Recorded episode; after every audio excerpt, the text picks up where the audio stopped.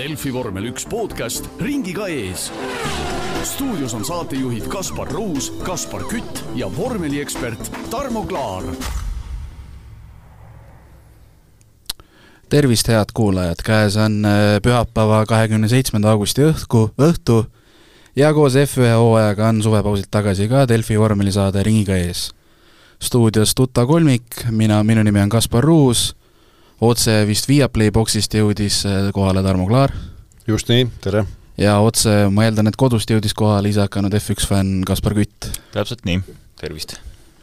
no Hollandi GP on nüüd läbi, ütleme siis etteruttavalt ära, et äh, Max Verstappen võitis, kordas sellega Sebastian Vetteli üheksa järjestikuse võidu rekordit, äh, Fernando Alonso teine ja Pierre Gasly kolmas aga alustuseks äh, küsin esi-, esmamuljeid, et päris äh, pikk ja vägev ja põnev võistlus oli. no nagu ikka, et äh, kui ilmataat sekkub, siis läheb asi põnevaks, et kes oleks võinud arvata, et nende segaduste keskel, mis seal alpiinis valitsevad juhtkonna tasemel, suudetakse poodiumi koht ära tuua. üks asi, teine asi, et Perez ka pärast suvepuhkust, pärast seda, kui sai ennast igati kanti tuulutada seesmiselt ja välimiselt, et ta Äh, ikkagi on nii nõrk, nagu ta on selle autoga, see oli mulle ebameeldiv üllatus. ja noh, lisaks siis äh, muidugi Ferrari, et äh, eriti Leclerc'i käes, see auto on kas kiire või ta on seinas, et noh, mis seal Ferraris nüüd nii nihu on läinud, vot ei oska öelda, aga aga Ferrari tulemused on jah, sellised, mida no tahaks teistsuguseid näha, paremaid tulemusi tahaks näha. ma ütleks jah, et üks parimaid sõite sel hooajal ilmselt võib öelda just tänu sellele vihmale ja erinevatele taktikale, just selle üllatuselemendile, et saime nii võistluse alguses kui ka võistluse lõpus ikka päris korralikku vihmasaju, mis, mida väga tihti ei näe, selles mõttes, et et tuli kahel eran-, erineval korral tulid sellised vägagi põnevad taktikalised võistlused ja oligi olukorrad, kus üks ring äh, valel rehvil otsustab nii palju, et eh, väga põnev on alati vaadata, kuidas sa võidki ühe ringiga kaotada kolmkümmend, nelikümmend sekundit jumala lihtsalt, kui sa oled vale, vale rehvi peal. No võistlust, tänast võistlust räägime siis pikemalt varsti, aga ma mõtlesin, et alustaks võib-olla teisest vabatreeningust, mis mõjutas otseselt ka tänast koosseisu. ehk siis austraallased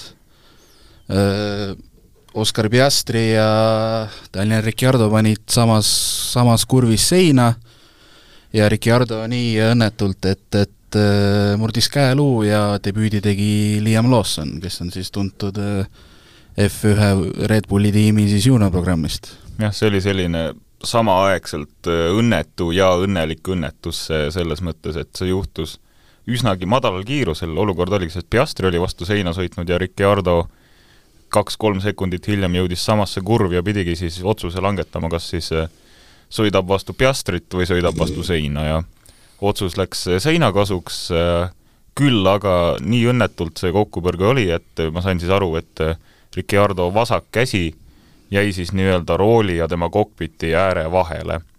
ja kuna see kokkupuude on ikkagist, noh, ta on vormeli mõistes üsna aeglane, aga aga päriselus ikkagist mingi viiskümmend, kuuskümmend kilomeetrit tunnis, siis see nii-öelda järsk liigutus, kus käsi jäi siis kokpiti ja ja rooli vahele oli piisav, et Ricardo käsi siis läks üsna õnnetult, äh, ranne murdus ja ja hetkel ei teagi, millal me teda uuesti vormeliroolis näeme. jah, seal küll õnneks ranna ei murdunud, vaid mis see on siis, kämbla lu- mm, -hmm. üks neist kämblaluudest, mis siin meie ütleme, käe, käe selja pealt võite neid kompida omal seal Äh, viis tükki neid on, et üks neist läks puruks ja, ja see oli selline noh, mõningas mõttes klassikaline lugu, et jah, sul on õigus, et kiirust suurt ei olnudki äh, autol, aga kiirus oli suur pöörleval roolil, sellepärast et äh, kui ta seinaga kontakti läks, see auto, siis äh, rebis ta ratta pöörama nii-öelda. Ja see rool, mis ei ole ümmargune, tänase päeva vormel üks autodel ju roolid on kandilised, osadel on nad lausa nagu lennukiroolid või, ja siis ongi niimoodi, et kui sul käsi on sobimatus asendis, siis ühel hetkel see kandiline osa lööbki sul vastu kätt ja see, nagu seal korduses ka näha oli, see käib nii kiiresti. ja samal ajal minu jaoks oli natukene üllatav, et kui nii kogenud mees nagu nagu Ricardo nägi, et noh, see seina sõit on vältimatu, siis äh, tänasel päeval reeglina ikkagi vormelipiloodid noh, sõna otseses mõttes panevad käed risti rinnale. võetaksegi käed hetk ennem seda kokkupõrget, võetaksegi roolilt ära ja enda vastu. just sellepärast, et see pöörev ro-, pöörlev rool, äh, see võib nii, noh, lõhubki luid mm, -hmm. et äh, ta pöörleb nii kiiresti. Äh, see oli üks üllatus minu jaoks, teine üllatus oli see, et tegelikult ennem kurvi ju vilkus kollane tuli. et selgelt oli, olid kohtunikud hoiatanud, et ees on oht. ja nüüd on jällegi see, et kas siis ütleme, see suhteliselt pikk võistluspaus ja puhkusel käik nüüd mõjus niimoodi või et eriti veel, kui arvestada seda rajalõiku, kus need kollased lipud olid väljas. see oli see kolmas kurv, kus sul turvaala sisuliselt ei ole, see on tohutu kaldega kurv, mis tähendab seda, et kui seal on midagi juhtunud, siis noh, terve see äh, nii-öelda ovaali osa võib risu täis olla. et äh, ta ikkagi nii suure hooga lähenes sinna kurvile, et millele ta lootis, ma ei saanud aru, et ta nagu ei pööranud üldse tähelepanu sellele kollasele lipule, mul jäi selline mulje et kollane lipp on ju selge märk, et tuleb äh, kiirust äh, vähendada.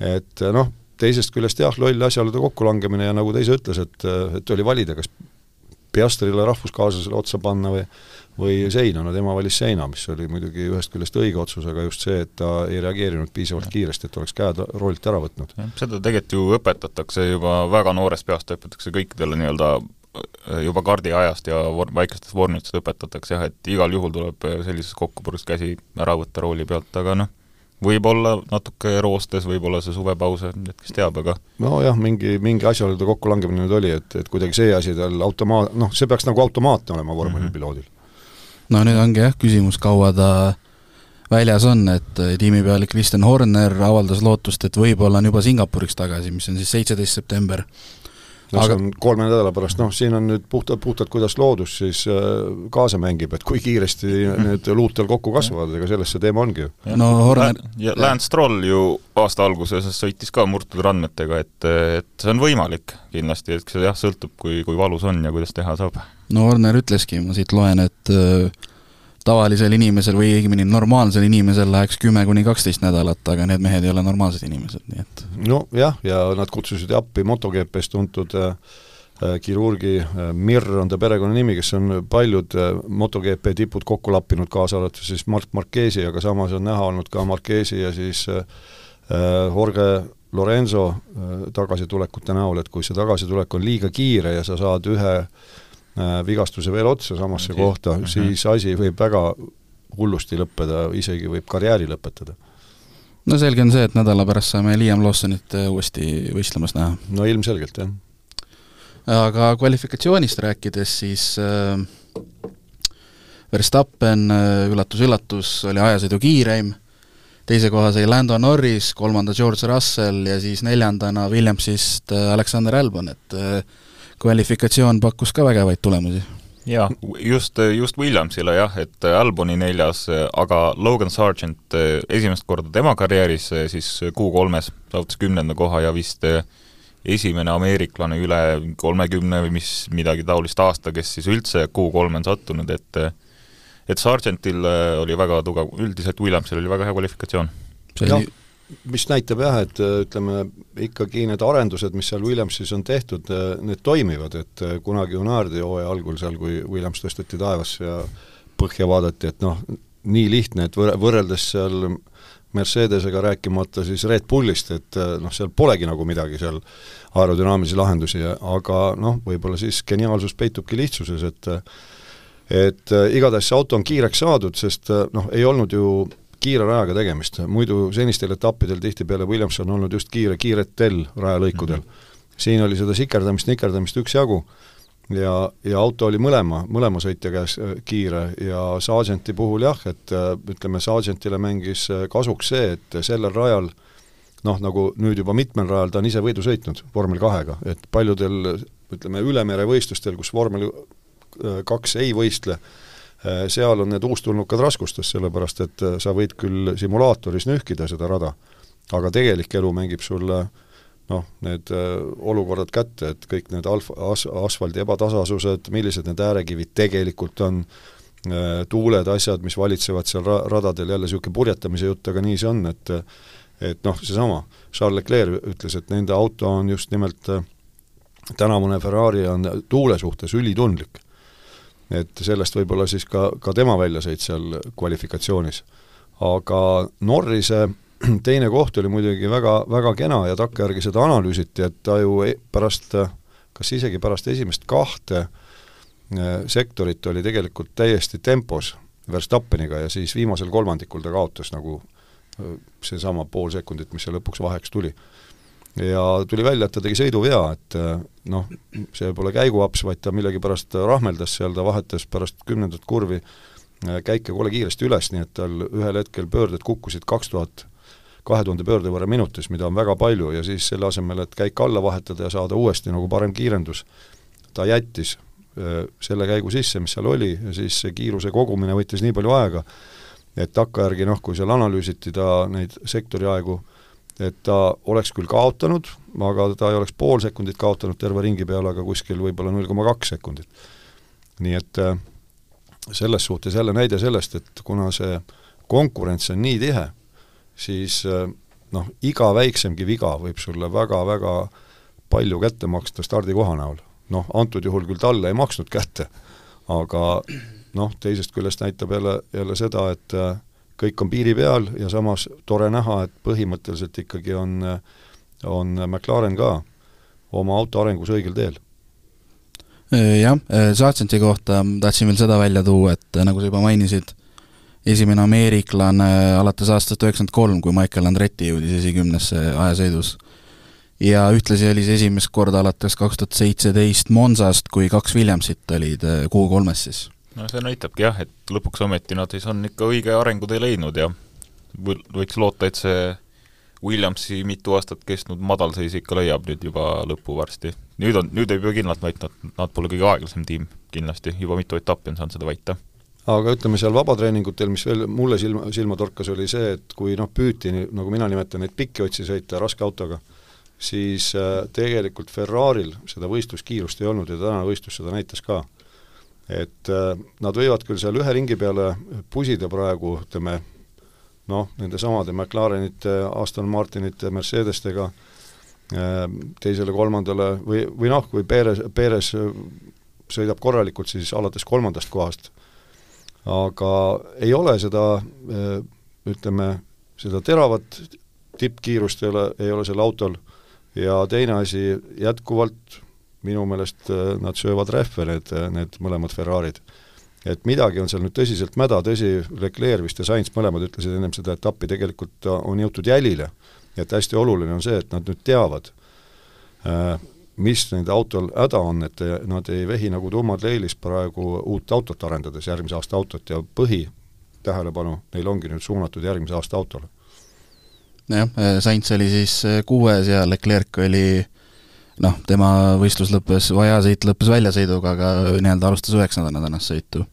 aga jah, Perezist sai juba räägitud, et tema alustas siis, tema sõitis välja seitsmenda aja, üks koma kolm sekundit Verstappenist aeglasem ja lugesin, et äh, Mercedese pealik Toto Wolf äh, vaatas ka seda ja ütles, et äh, veider, et ta ei oska, ta ei oska seletada, kuidas on kahel tiimikaaslasel nii suur vahe, et nagu ta siin ütles, et Tšeko ei ole idioot, ta on Grand Prix võitja, aga ma lihtsalt ei mõista, kuidas see vahe nii suur saab olla. no hea küll, ütleme seal äh, Sandvurti rajal oli see häda ka, et ta on selline aeglane, noh, suhteliselt lühike rada jah, ja siis äh, nüüd olla õigel ajal äh, rajal, et keegi sind ei takista, noh, see on omaette kunst, aga see puudutab kogu võistkonda, see ei puuduta ainult sõitjat, et meeskond peab ju leidma selle äh, õige ajaakna, millal oma sõitja äh, rajale saata ja seal noh, paljud olid hädas, oli ka Hamilton ju hädas, et äh, seal Tsunoda sai ko-, koguni stardis ju karistada Hamiltoni takistamise eest. aga mm, ikkagi see näiteks võistluses sees ka, kui me vaatasime, siis äh, noh, Perezel ei ole seda kiirust, mida eeldaks, et Red Bulli roolis ükskõik millisel tippsõitjal on, aga temal see madalseis jätkub hmm.. no oli näha küll jah, et noh, sõidust juba natuke ette rutata siis sõidule, siis jah, kui kui vahepeal Perez juhtis ja Verstappen järele jõudis, siis see vähenes kahe sekundiga ringi kohta, et see mis iganes kümne-kaheteist sekundit vahes oli viie ringiga läinud, et, et see on puhtalt jah, hämmastav, kuidas, kuidas Perez on ikka nii aeglane võrreldes Verstappeniga.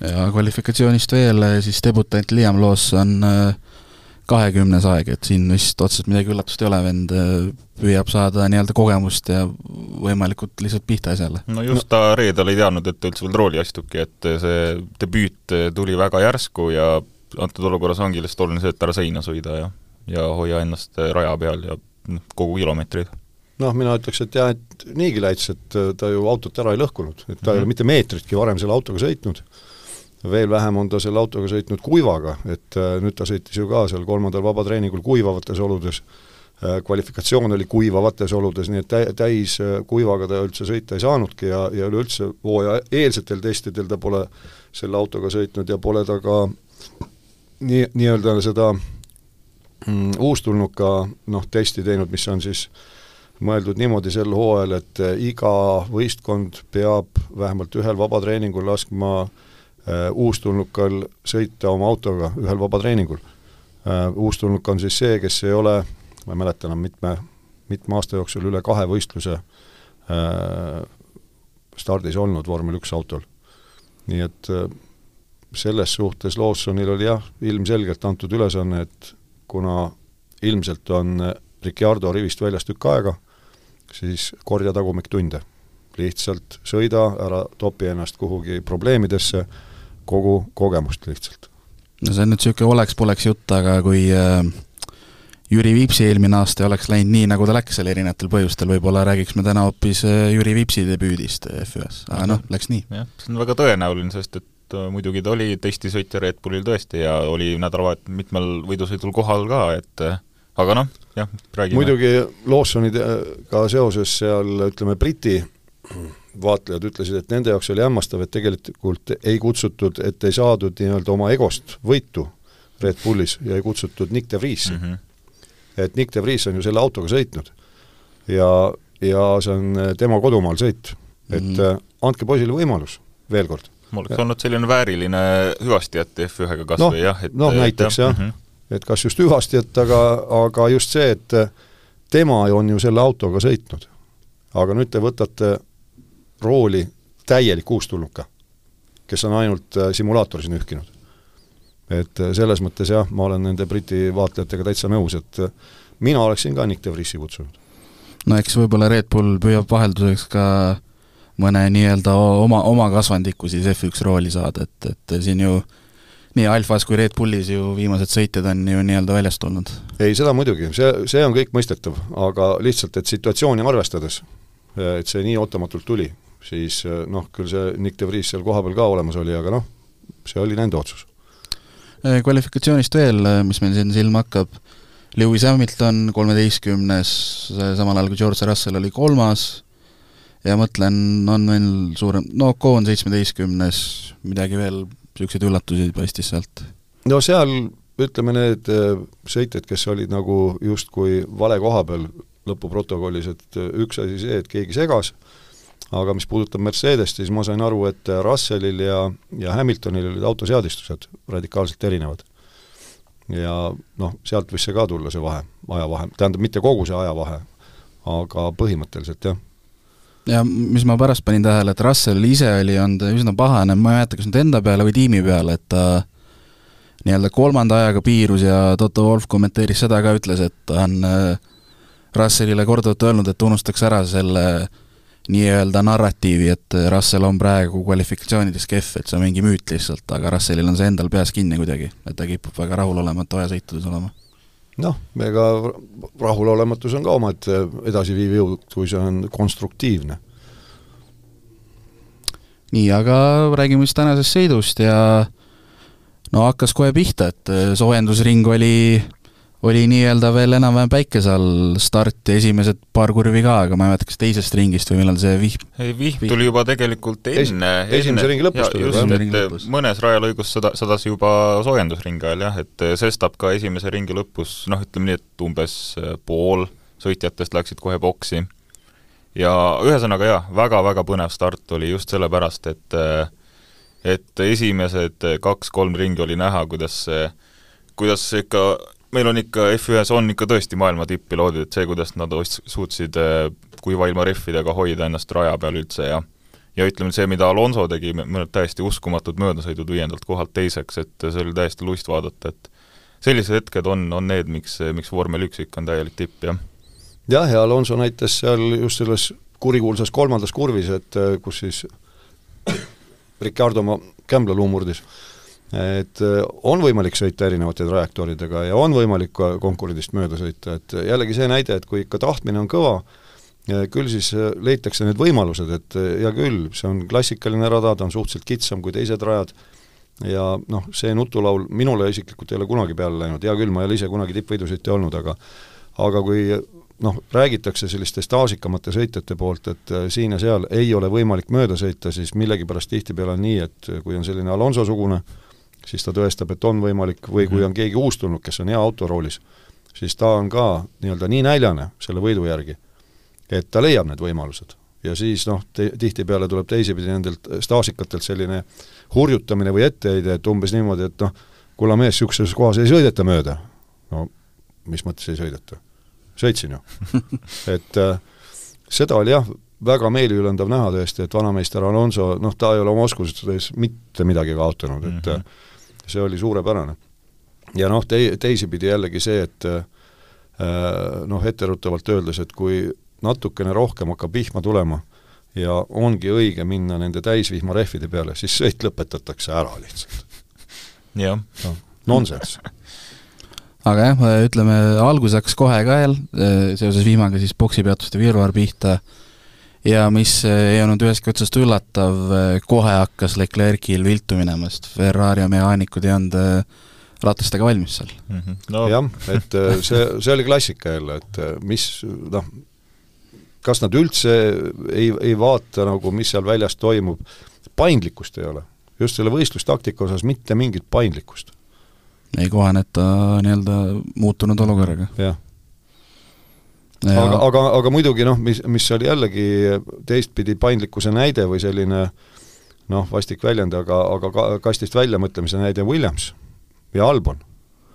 mina mõtlesin, et no nüüd nad on korralikult ämbrit kolistanud, aga no nemad teadsid midagi rohkem, kui mina teadsin. et mm -hmm. Albon ju jäigi välja nende kiilasrehvidega. see ei olnud vist ainult Albon, vaid ka McLarenid jäid välja jaa, aga Albon sõitis seal lõpuks kõige kauem. just jah, et aga ühesõnaga oli ka, see oligi hästi huvitav vaadata kahte täiesti erinevat strateegiat ja et üks eh, kandis alguses vilja, see keskmiste või kesk jah, vahepealsete rehvide peale minek eh, ja. ja samas teine strateegia, esimesed viis ringi tundus täielik fopaa, et et Albon ja McLarenid kukkusid nagu jah, kolmkümmend, nelikümmend sekundit ringis, aga kohe, kui rada hakkas kuivama, siis Sandvort eh, kuivab väga kiiresti, nii rajalõigud, siis siis hakkas jälle nende kasuks mängima, aga noh, ühesõnaga väga põnev.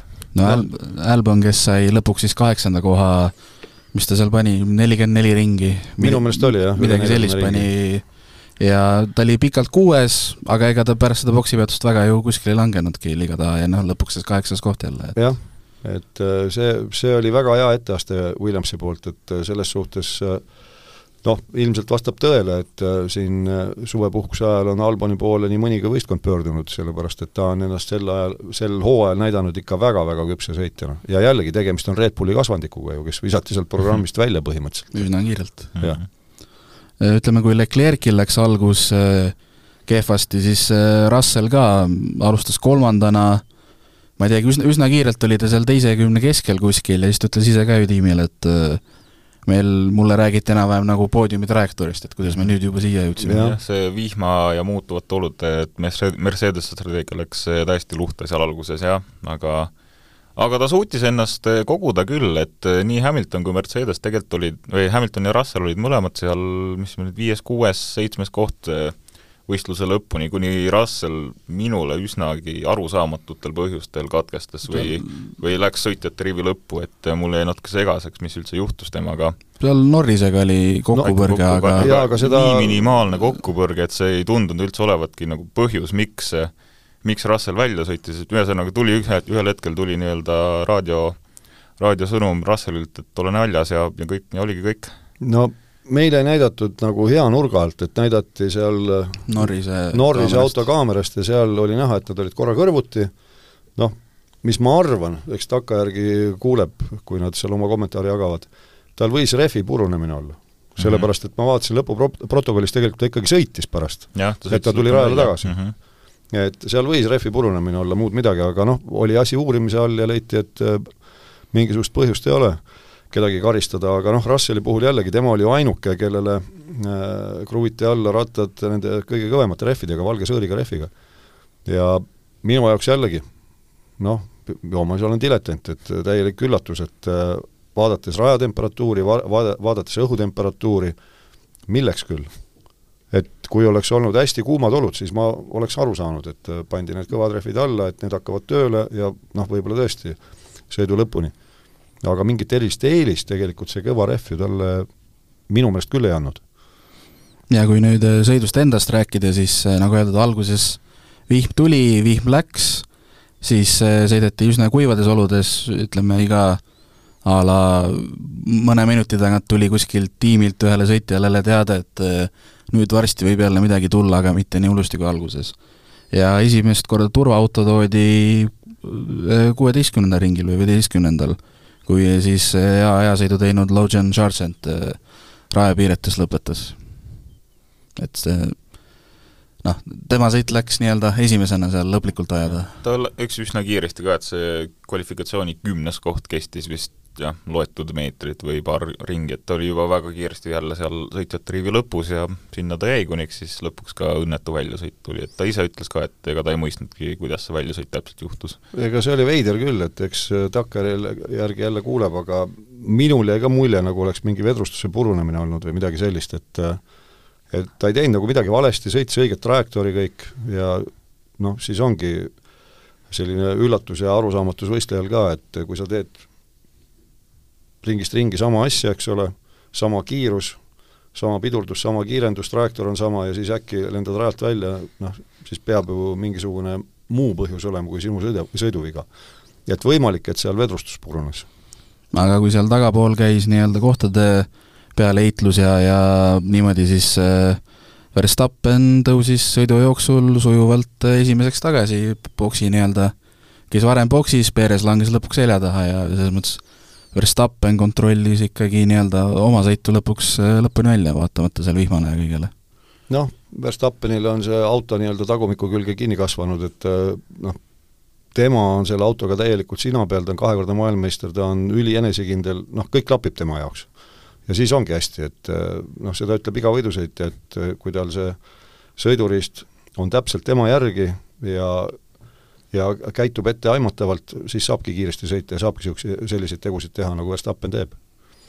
aga lähme sinna sõidu lõpu juurde, et, et äh, mis meil oli, kümmekond ringi oli vist jäänud sõita, natuke üle kuuekümne oli sõidetud seitsmekümne kahest ja siis tuli korralik paduvihm, hakkas jälle see poksipeatuste virvarr ja kui ma ei eksi, siis Esteban Ocon oli vist esimene kes pani täisvihmarehvid alla. jah ja., kellele pandi ja kes sõimas võistkonda, et mehed, mis te tegite, eks ole, tegelikult äh, mina arvan, et kui oleks lastud pikemalt sõita, siis tema oleks äh, noh, kas just päris võidumees olnud, aga see oleks talle ka kõva eelise teiste ees andnud. aga jälle näide sellest, noh, kus ma juba saate alguses etteruttavalt, äh, kui, kui ma ütlesin, et väga veider, et täisvihmarehvid äh, on kasutuses aga neid saab kasutada siis, kui võistlust ei toimu mm. -hmm. et noh, käsitamatu tegelikult. jah, mis me saime, jah, Sergio Perez oligi ka üks mees, kes pani siis eh, nii-öelda kõige, kõige ekstreemsema vihmarehvid paneb peale, ta sai loetud meetrid sõita boksi peatuses, kuni siis punane lipp välja tuli jah, et eh,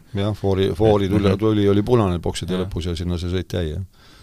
Äh, jah, ma vaatan ka, et Ocon äh, sõimas tiimi enam-vähem, käis see raadioside ära, järgmine hetk oli kaadris juba, äkki show oligi seinas siis juba, et jah, jah, ja, ja, ja show see väljasõit oligi see, mis tegelikult selle punase lipu välja tõi, et see oli see nii-öelda viimane piis karikas, et siis see võidusõidu korraldajad vist leidsid jah, et nüüd on natuke liiga ohtlik, et jätkata. kuigi jah, tekib küsimus, et milleks meil need kõige ekstreemsema vihmarehvid üldse on.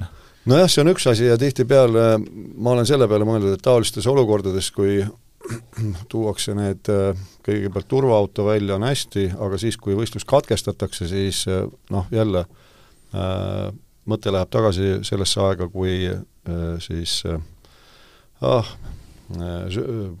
Bianchi. Jules Bianchi hukkus Suzukas. et tõesti jah, võib öelda, et siis ka olid kollased lipud väljas, sõitjad ju teavad kõik, Jules Bianchi ka ülikogenud, üliandekas võidusõitja, kellest loodeti palju, et näete, ikka juhtus. aga seal oligi inimlik faktor, Bianchi sõitiski tookord kiiremini, kui oleks pidanud sõitma mm. -hmm. ta eiras kollaseid lippe põhimõtteliselt, jah? täpselt mm, -hmm. täpselt nii, noh. et ta, ta sõitis võistluskiirusel, mida absoluutselt ei olnud vaja teha. et ja, ja sellest juhtumist tulenevalt siis kui traktor oli veel ka rajal ja sinna traktori alla ta ju niimoodi sõitis, et see traktor noh, tõusis õhku sõna otseses mõttes, see mitmekümnetonnine kolakas et see oli ikka kohu-, kohutav õnnetus, mis juhtus. ja sellest ajast peale siis on noh, ütleme, põlved on vedelad taolistes situatsioonides võistluste juhil. ja siis kole kergesti pannakse see punane lipp välja, aga tegelikult kulla mehed, et see on ju maailma tippsari. siin on väidetavalt maailma kakskümmend parimat autojuhti. Nad ju ometigi on reeglite raamatu läbi lugenud, nad on, nagu mina ütlen, mähkmetest peale sõitnud võidu need lippude tähendused ei ole aastakümneid mitte kuskile poole muutunud, kõik on teada, kõik on selge. et kuidas siis ei saa sellistes oludes piirduda sellega, et ongi kas või siis lokaalsed äh, topeltkollased lipud, mis äh, viitavad eriti suurele ohule ja toimetavad seal need äh, rajatöölised, tõstavad auto eest ära, panevad need piirid paika, aga mujal rajal võidusõit käib, muu, ülejäänud rada on ju võidusõiduks tegelikult ju kasutatav et vot sellest asjast mina ei ole kunagi aru saanud, et äh, mis jamaga te tegelete. et äh, ja kui on äh, noh, vähemalt enne vanasti oli niimoodi, et keegi katkestas, auto jäi rajaperve, kuskil kolm ringi, lehvitati kollaseid lippe selles, selles piirkonnas, et kõigile nii-öelda kinnistada mällu, et siin on oht. ja siis lõpetati ära, seepärast kõik juba teadsid, kõik sõidavad mööda, selge. seal seisab auto, siin on oht kogu lugu, aga võistlus käib edasi. et äh, ja, ja just see ka, et hea küll, teine asi, et äh, vihm hakkas kõva, kõvasti tulema -hmm. seal stardisirgel, noh see oligi ju peaaegu padu, eks ole mm. -hmm et see, selles mõttes oligi hale naljakas, et kui Ocon oli just võistkonnal näo täis sõimanud, siis, siis äh, taevaluugid avanesid. et võistkond ikkagi teadis midagi rohkem kui Ocon seal autoroolis. ja nüüd oligi see aeg, kus siis nende täis vihmarehvidega oleks tegelikult mhm. saanud mm -hmm. ju võidu sõita. no Ocon läks no olekski ilmselt vaieldamatult liidriks tõusnud seal. Ocon ja Perez olid nagu perfektses olukorras jah ja., aga, aga siis tuli, see väga järsku tuli see otsus jah, et, et jah, mis te, noh, ütleme nii, et eh, vaadates võib-olla jah, seda nii-öelda poliitilist ja reklaamilist poolt siis nii-öelda, kui päriselt peakski mingi ekstreemne õnnetus juhtuma ja me kaotame sõite, siis see nii-öelda see ei, see skandaal ja, ja, ja, ja kõik see, mis pärast seda tuleks, et selle vältimiseks lihtsalt ikkagist langetatakse neid punase lipu ja ja sõitjate turvalisusest lähtuvalt otsuseid palju kergemalt, kui kunagi enne tehti. jah. igastahes Punase lipuga oli umbes äkki pool tundi pausi, natuke vähem, midagi sinnakanti mm. -hmm.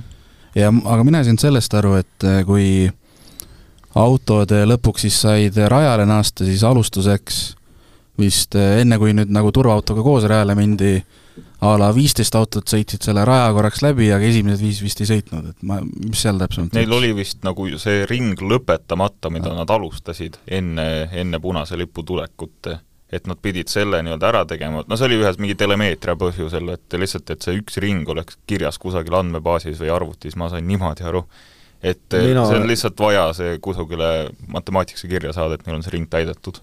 no ei tea, minule jäi see mõistetamatuks, sellepärast kui punased lipud tulevad välja, siis võetakse ring ennem äh, puna, punaseid lippe võetakse järjestus. et äh, ei, minu, minule jäi see arusaamatuks ausalt mm. öelda. sellepärast, et täpselt, et äh, ülekande ajal ka rääkisime, seal boksi teel oli aega ju neid autosid kabetada õigetesse stardikohtadesse küll ja veel, noh see järjestus eesotsas oli ju äh, selles mõttes vale, et Perez oli esikohal, mida ta mm -hmm. ei mhm. oleks pidanud olema, et aga te saate ju nende vankrite peale autot tõsta, nii nagu tänapäeval kasutatakse, boksi teel laiust küll, veeretage need siis õigesse kohta, milles see, milles see probleem on? ei tea, et veider ta oli. aega oli ju omajagu seal. absoluutselt, jah. absoluutselt.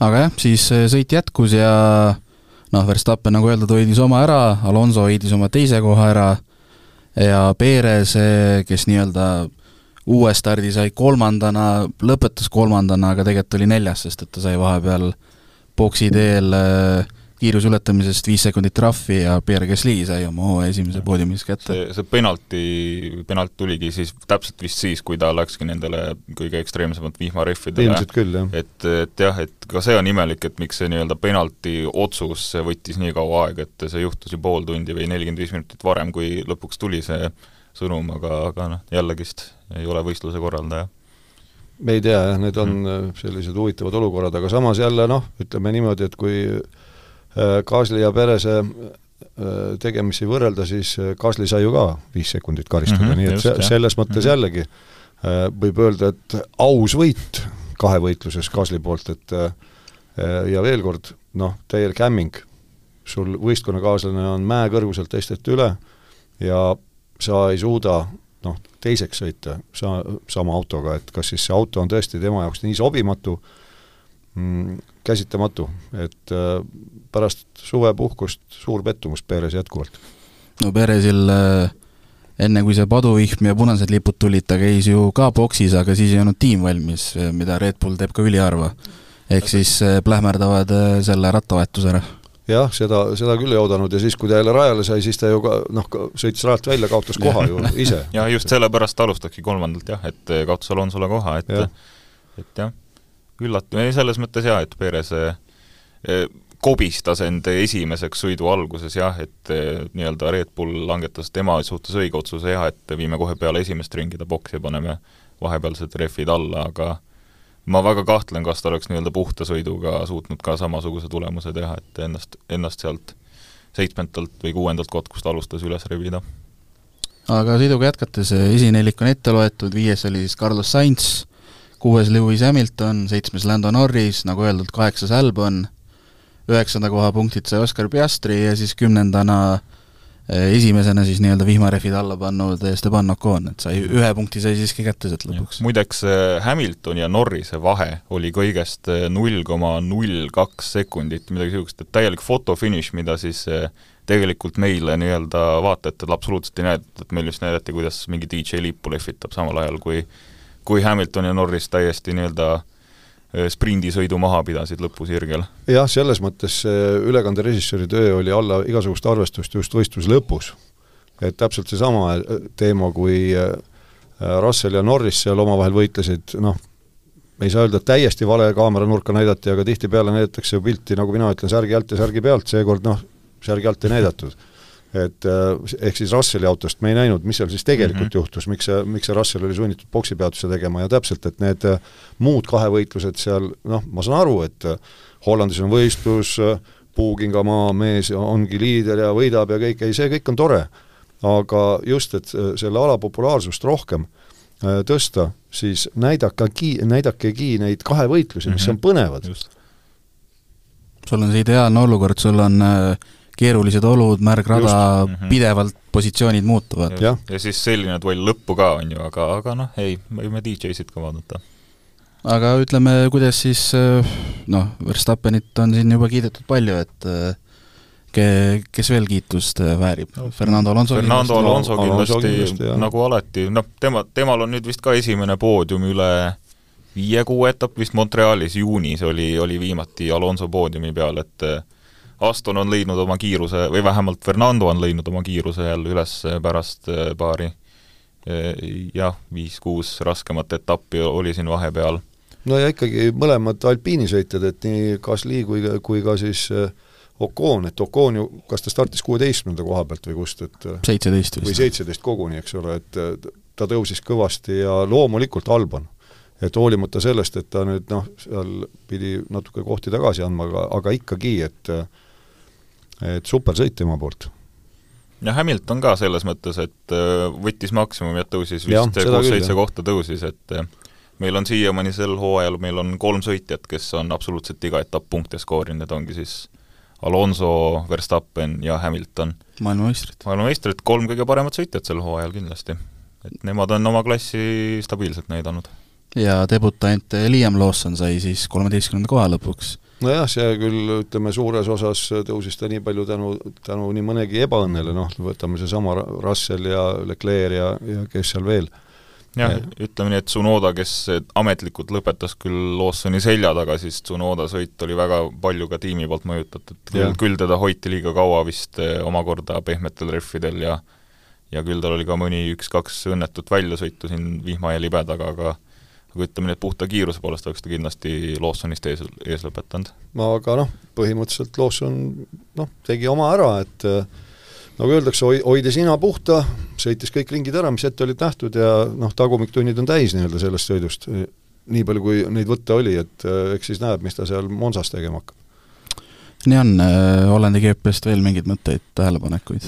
mul on lihtsalt hea meel, et meil oli selline etapp, mis tuletas sellise vana hea F1 võlu meelde, et kus sa ikka istud, istud tooli ääres ja suudad vaevu nagu paigal püsida, sest et tõesti nii põnev on ja start ja lõpp ja, ja kõik see on nagu ikka väga lahe. ja ütleme nii, et Verstappenit nüüd, kui ajaloo lävel, nüüd ta on Vett, Sebastian Vetteliga siis üheksase järjestiku võidu rekordiga siis temaga samal pulgal, siis nüüd on ütleme nii, et Itaalias on, mis on siis nädala pärast, ma ütleks, on võib-olla niisugune üheksakümmend üheksa protsenti võimalus, et et näeme ka ajalugu ja ta saab kümme järjestikust võitu.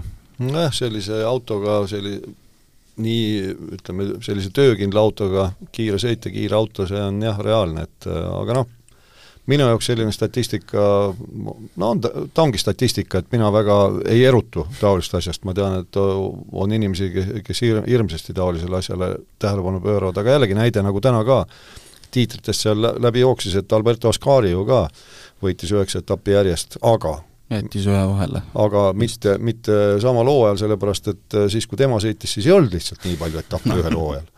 et noh, see ongi, ajastud on niivõrd erinevad, et rääkida sellest, et kui palju etappi ke-, keegi on ühel hooajal võitnud, noh, see on selline kontekstist välja rebimine, et no ikkagi... just jah, et ka see jah, et kui Verstappen teeb siin oma mingi punktirekordi ühe hooaja peale, kus tal on kakskümmend kolm sõitu teha seda, aga samal ajal noh, Schumacher kakskümmend aastat tegi, see tegi sedasama kuueteist sõiduga, et, et jah, siin tuleb ikka et alati ajastut mõelda ka ja, ja väga tihti rebitakse kontekstist välja sellised rekordid. aga kahtlemata noh, ütleme praegusel ajal Verstappen, ta on väga tugev sõitja, elu on näidanud, et psüühika tal ka on, on väga tugev, auto on hea, meeskond, tähendab, auto on väga hea, meeskond on väga hea ja niimoodi need tulemused, tulemused tulevad, et äh, jällegi noh, olen sellest kord-, korduvalt rääkinud, kui Russell sai võimaluse äh, Covidi ajal seal Hamiltoni asendada, siis ta oleks ääre pealt ju oma esimesel võistlusel kohe võidu võtnud mm, -hmm. kui mhm. võistkond poleks ära käkkinud.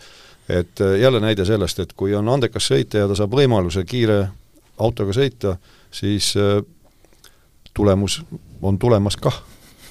ja kui siin äh, statistikast äh, rääkida, siis äh, ja statistika esiletoomisest, siis on ju üks rahvas, kellele meeldib spordistatistika üle kõige ja see ongi ameeriklased.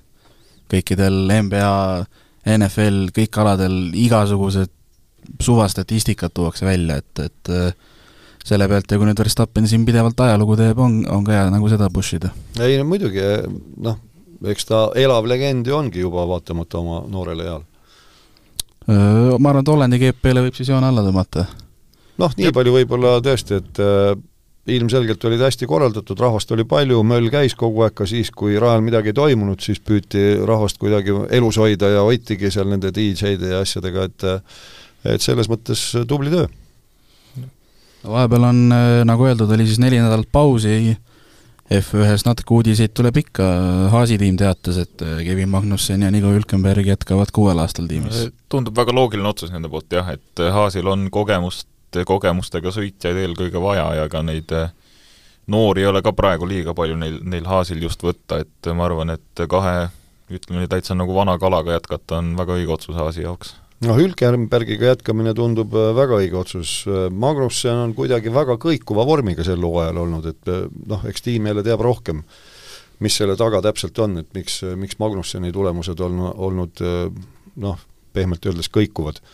aga teisest küljest täiesti arusaadav jah, et nad ju proovisid siin kahe kollanokaga ja noh, tulemus oli katastroofiline rahakotile just nimelt, et neid autode purustamisi seal Äh, eriti Mikk Schumacheri poolt ja noh, ega see Mazepin ka väga palju alla ei jäänud, et äh, neid oli kõvasti. ja sa, ütleme, minu meelest ta on siis äh, tiimi pealt selle välja ka öelnud, et äh, eelmisel aastal neil jäigi auto arendamiseks raha väheks, sellepärast et Mick Schumacher kaks korda sõitis auto pooleks ja noh, auto taastamiseks läks see raha, mida muidu oleks saanud kasutada mm. auto arendamiseks. mis oli paar-kolm milli vist või? midagi, midagi sellist oli välja toodud. aga järgmine nädal, kui on nagu öeldud, Itaalia GP, aga mis eestlaste vaatenurgast kõige olulisem, äh, Paul Aron, hooaja, F2 hooaja viimane võidusõit. F3-e. F3-e, vabandust, jah, muidugi, muidugi F3, aga teise koha peale siis on nii-öelda tal leitlus. jah, ja teoreetiliselt on tema ainus, kes võiks veel me-, mis ta on siis, Portoleto on seal liider või? jah, Gabriel Portoleto ja, on vist et, äh, täpselt niimoodi ees jah, et äh, punktide poolest ma ei tea nüüd täpselt neid punktiarve, mis F3-s on, aga Paul Aron selleks, et oleks mingisugunegi äh, tiitli võitmisvõimalus, ta peab tegema perfektse nädalavahetuse, ehk siis võitma kõik ja kõik kvalifikatsioonid, kõik, kõik nii-öelda sprindisõidu ja, ja ka siis põhisõidu ja, ja loodma, et Portoleto ja Portoletol peab kõik metsa jaa, et üht, ühtegi punkti siis on. ta peab vist, Portoleto peab vist kas ühe punkti ainult saama või? jah, vahe on äh, kolmkümmend kaheksa punkti, jah ja. ja.. aga jah, teisel kohal Paul Aron sada kuus, Pepe Marti sada viis, Sacco Sullivan sada üks, äh, Franco Colapinto sada punkti jah, et see rebimine on seal väga kõva, mhm. et äh, noh, see näitab, et äh, tase on olemas meie poisil. ja noh, loodetavasti see tagab talle ka koha järgmisel aastal seal, ta ju esimest hooaega sõidab seda vormel kolme, aga noh, ei või iial teada mesilinnuks ja äkki hoopis siirdub vormel kahte. no elame-näeme, nädala pärast oleme juba suts targemad, et kuidas see hooaeg lõppes. just. aga ma arvan, et tõmbab selleks korraks saatele joone alla kõike head ja stuudios tagasi juba nädala pärast. kohtumiseni! nägemist! Delfi vormel üks podcast ringiga ees